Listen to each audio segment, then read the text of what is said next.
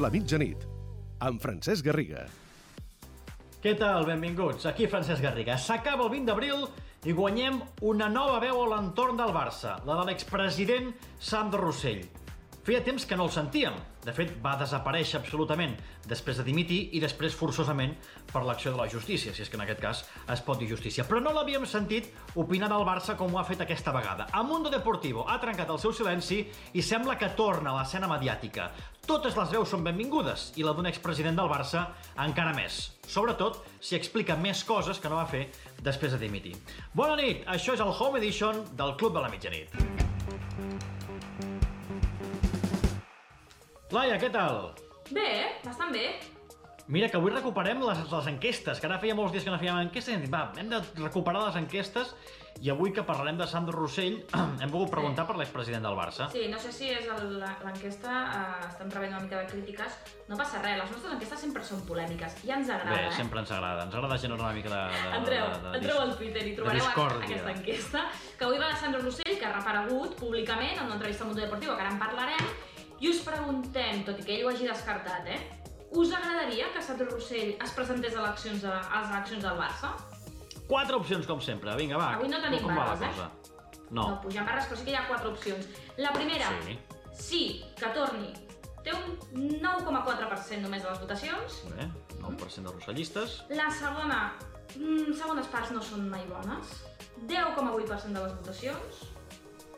La tercera, no. Ara el que toca és foc nou, al 100%. Guanya 75% de les votacions, una mica més. I l'última, eleccions. És que ja ni em preocupa això ara mateix. 3,9% només, eh, les votacions. Bé, doncs és la nostra enquesta d'avui. Avui comencem amb aquest retorn de Sandro Rossell a la vida pública perquè eh, ha concedit una entrevista eh, i l'hem sentit opinant del Barça, que és el que feia més temps que no feia, eh, bastant contundent, Laia. Sí, ha estat una entrevista al Mundo Deportivo des de que va sortir de la presó, que no l'havíem sentit. És cert que té un caire bastant personal l'entrevista, però com deies, amb acusacions bastant importants d'entrades, que acusa la jutge Lamela i a la fiscal també de prevaricació. Ho acusa a totes dues i a més a més afegeix que si ell hagués, no hagués estat, perdó, president del Barça, està segur que no hauria entrat a la presó. Això és un discurs que ja havíem sentit d'ell. Eh, què diu de l'enrenou a la junta directiva dels últims dies? Doncs que ell veu Bartomeu més fort que mai, que ha fet molt bé d'envoltar-se de la gent més fidel i atenció, parlant d'eleccions, descarta, ho hem dit ara, eh, que es torni a presentar, però, però, arribat el moment, si ell veu que hi ha algun candidat que està defensant valors, diríem, o interessos que ell creu que no són bons pel Barça, sí que dirà la seva opinió, ho denunciarà i si el soci el vol escoltar, doncs ell parlarà i que No votin aquest que defensa coses que a mi no m'interessen. També ha parlat de Neymar. Ell va portar Neymar, de fet va sortir just quan el cas Neymar es- esclatava. Què diu de Neymar? Doncs que el tornaria a fitxar.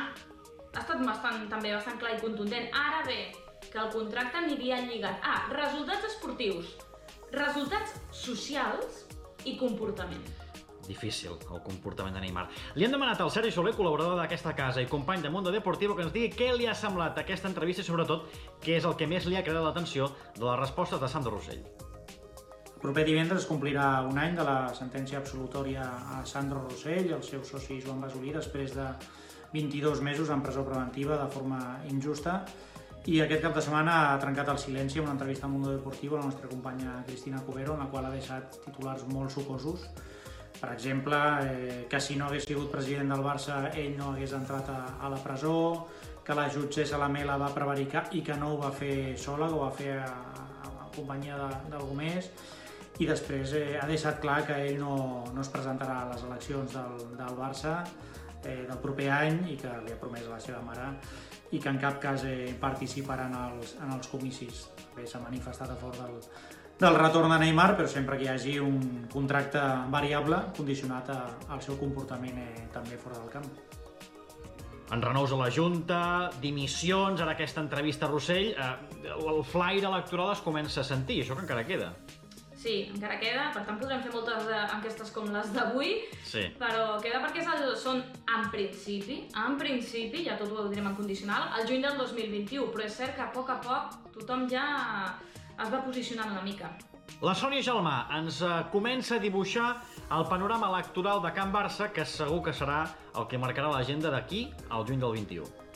Hola, ha estat aquest un cap de setmana com molt vintage, molt del 2003, amb Sandro Rossell i Joan Laporta dient la seva. Fa 17 anys del 2003, però encara hi són, perquè el Barça genera això, genera una atracció pel poder que fins i tot expresidents que podríem dir que van acabar tips doncs eh, no n'han tingut prou. També ha de ser difícil, és una addicció que és molt difícil de deixar perquè allò a més ha significat durant un temps de la teva vida el 100% del teu temps.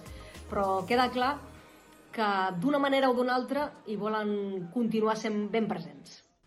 Aquest calendari electoral del Barça el marcarem. Ara hem d'obrir el calendari de Aquí no hi quien viva, que és la sèrie favorita de Tebas, Rubiales i companyia, tot i que avui sembla que és un capítol tranquil. Atenció! Rubiales i Tebas s'han posat d'acord. Amb una cosa només. Ara, clar, ha hagut d'aparèixer la presidenta del Consejo Superior de Deportes en una reunió, no diré clandestina, però sí que era secreta, pràcticament. Uh, uh, hi havia Rubiales i Tebas, més de 8 hores reunits. Que guai. I després de totes aquestes hores i tot aquest temps han arribat a un acord. Quin? Doncs eh, acord en el retorn dels entrenaments dels futbolistes sense dia, no sabem el dia, això ja és el que ens porta, però sí que han arribat a, a aquest acord i es farà com marca el protocol, és a dir, primer amb entrenaments A individuals. França sí que tenen dates. Sí, començarà la Lliga el 17 de juny i acabarà el 22 eh, de juliol i la següent temporada començaria a finals del mes d'agost. Són les dates definitives de la Lliga francesa, ara bé, falta l'autorització del govern francès. que es pugui fer. Per cert, que hem, hem anat veient possibles dates del Barça a Nàpols, això va així o com, com està el tema?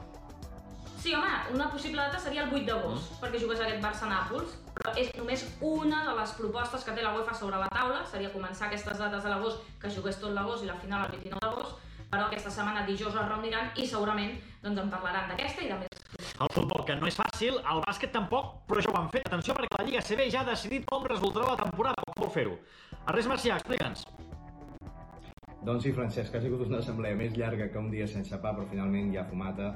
Eh, anava a dir blanca, gris clar, perquè no sabem encara si la competició es podrà reprendre o no. S'han donat almenys de temps fins al 31 de maig per decidir-ho. Si el coronavirus, la situació sanitària ho permet, jugarà. Si no ho permet, temporada finiquitada i tots de vacances. Uh, si es juga però no jugaran tots. Hi ha una sèrie d'equips que ja des d'avui saben que tindran vacances, entre ells el Manresa. Per què?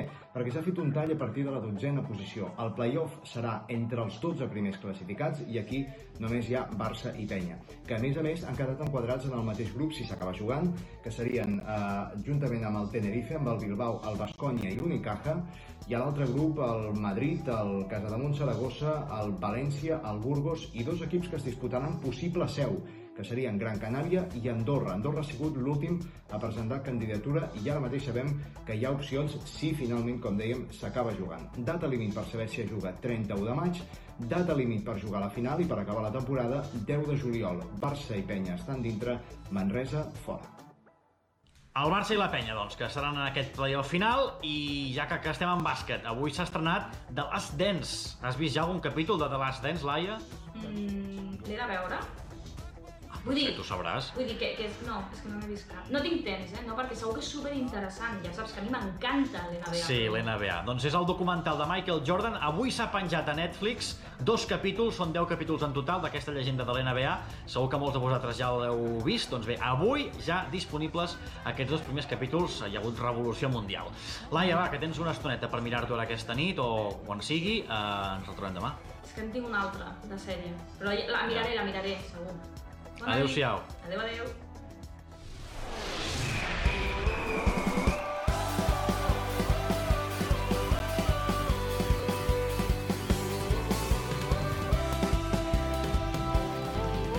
El Club de la Mitjanit, amb Francesc Garriga.